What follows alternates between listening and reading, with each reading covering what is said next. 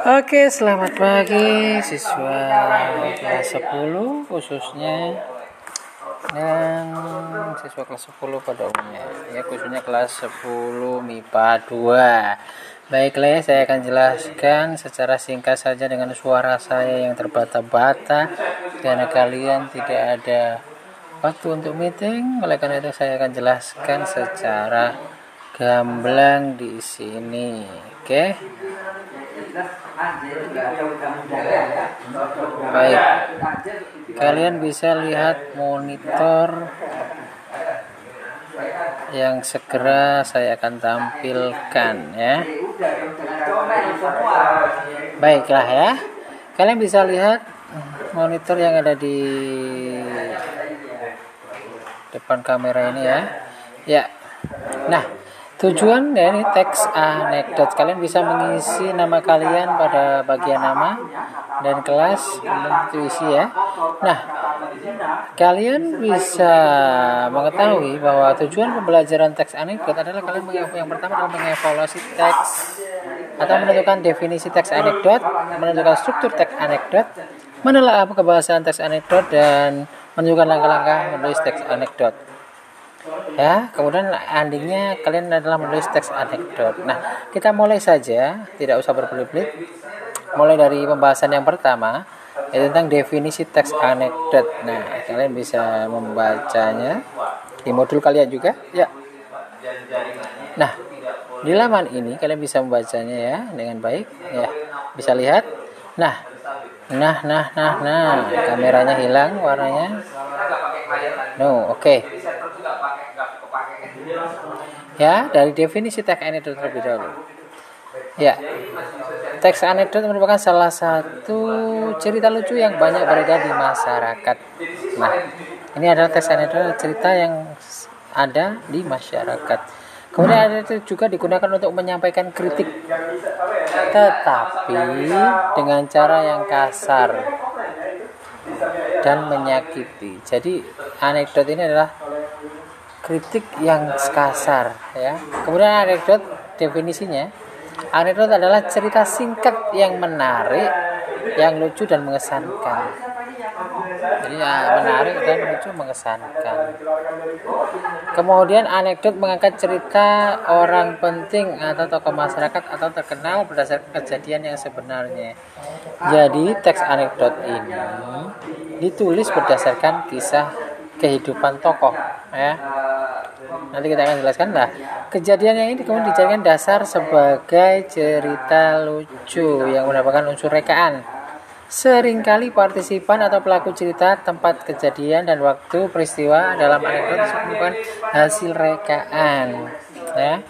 Itu adalah hasil rekaan. Nah kemudian batasannya apa saja? Batasan anekdot itu adalah sebuah cerita yang berisi sindiran terhadap sesuatu atau seseorang yang dilengkapi dengan humor. Jadi ada dua poin di sini yaitu yang pertama sindiran seseorang dan humor ya. Seseorang atau sesuatu dan humor. Sindiran dan humor yang intinya batasannya adalah adanya sindiran dan humor. Kemudian isi pokok anekdot, isi pokoknya yaitu sebuah sindiran. Sindiran dan sesuatu atau orang. Sama ya bersama. Tapi ini sindirannya saja bukan ada umurnya ya. Kemudian fungsinya apa? Yaitu sebagai hiburan. Yang dilengkapi dengan sindiran tadi. Oke. Selanjutnya struktur teks anekdot. Lah struktur teks anekdot ini terdiri dari lima. Yaitu yang pertama adalah abstraksi. Nah, abstraksi merupakan pendahuluan yang menyatakan latar belakang atau gambaran umum tentang isi suatu teks. Jadi latar belakangnya dia disebut abstraksi ya. Abstraksi ini ya. Kemudian orientasi. Nah, orientasi ini bagian cerita yang mengarah pada terjadinya suatu krisis atau konflik. Bagian ini yang menjadi penyebab timbulnya krisis atau komplikasinya. Nah, setelah itu ada yang ketiga adalah krisis atau komplikasi. Nah ini bagian dari inti dari suatu anekdot lah. Di sinilah yang terdapat sindiran itu atau humor humornya tadi ya. Sindiran dan humornya ada di bagian ini. terdapat kekonyolan yang melitik dan mengundang tawa, meskipun sebenarnya garing sekali. Kemudian reaksi merupakan tanggapan atau respon atau krisis yang dinyatakan sebelumnya. Jadi ini reaksi dari bagian nomor tiga krisis tadi. Apakah bengong, apakah tertawa? Ya, seperti itu. Kemudian kode adalah penutup atau simpulan dari yang menandakan akhir cerita dari percakapan atau anekdot tersebut. Lah, biasanya bagian ini ditandai oleh kata-kata seperti itulah akhirnya demikian dan bersifat opsional. Kode ini bisa tidak ada atau boleh ada. Nah, misalnya ini, aksi maling tertangkap CCTV. Lah isinya, seseorang warga melapor kemalingan. Lah ini adalah abstraksinya. Ya, kemudian pelapor, Pak, saya kemalingan. Nah, Pak polisinya menjawab, kemalingan apa? Pelapor, mobil Pak, tapi saya beruntung Pak. Nah, kata pelapor. Nah, ini disebut orientasi atau awal mula munculnya masalah. Lah, inilah masalahnya dimulai. Krisis. Nah, polisinya menjawab, Kemalingan kok beruntung? Nah, pelapor berkata, Iya pak, saya beruntung karena CCTV merekam dengan jelas. Saya bisa melihat dengan jelas wajah malingnya. Kemudian polisi berkata lagi, sudah minta izin malingnya untuk merekam? Nah ini jadi konfliknya di sini. Sudah minta izin untuk kepada malingnya untuk merekam? Nah ini kelucuannya di sini ya. Kemudian pelapor, ini masuk reaksi nah, pelapor belum sambil menatap polisi dengan penuh keheranan. Lalu polisi berkata lagi, itu ilegal, Anda saya tangkap. Nah, ini adalah reaksi dari kelucuan yang tadi ini sudah minta izin malingnya atau belum untuk merekam. Nah, itu ya. Kemudian kodenya atau akhirnya pelapor pelapor hanya bisa pasrah dan tak berdaya. Nah, itulah struktur dari teks anekdot. Yang pertama ada abstraksi, orientasi, krisis atau komplikasi, keempat reaksi dan kelima koda. Nah, seperti itu ya. Nah, selanjutnya adalah kaidah kebahasaan. Nah, di dalam teks anekdot ada kaidah kebahasanya juga. Yang pertama adalah menggunakan kalimat yang menyatakan peristiwa masa lalu. Kemudian yang kedua menggunakan kalimat retoris. Nah, ya. Kemudian yang ketiga menggunakan konjungsi atau kata hubungan yang punya hubungan waktu atau kronologis. D. Menggunakan kata kerja aksi seperti menulis, membaca, berjalan. Nah, kemudian ada kalimat perintah juga. Ya. Eh. Yang kelima, lima tadi ya, A, B, C, D, e lima tadi. Sekarang keenam menggunakan kalimat seru. Khusus untuk anekdot dijadikan dalam bentuk dialog. Penggunaan kalimat langsung sangat dominan ya. Kalimat seru ini. Nah, misalnya kalimat yang menyatakan peristiwa masa lalu.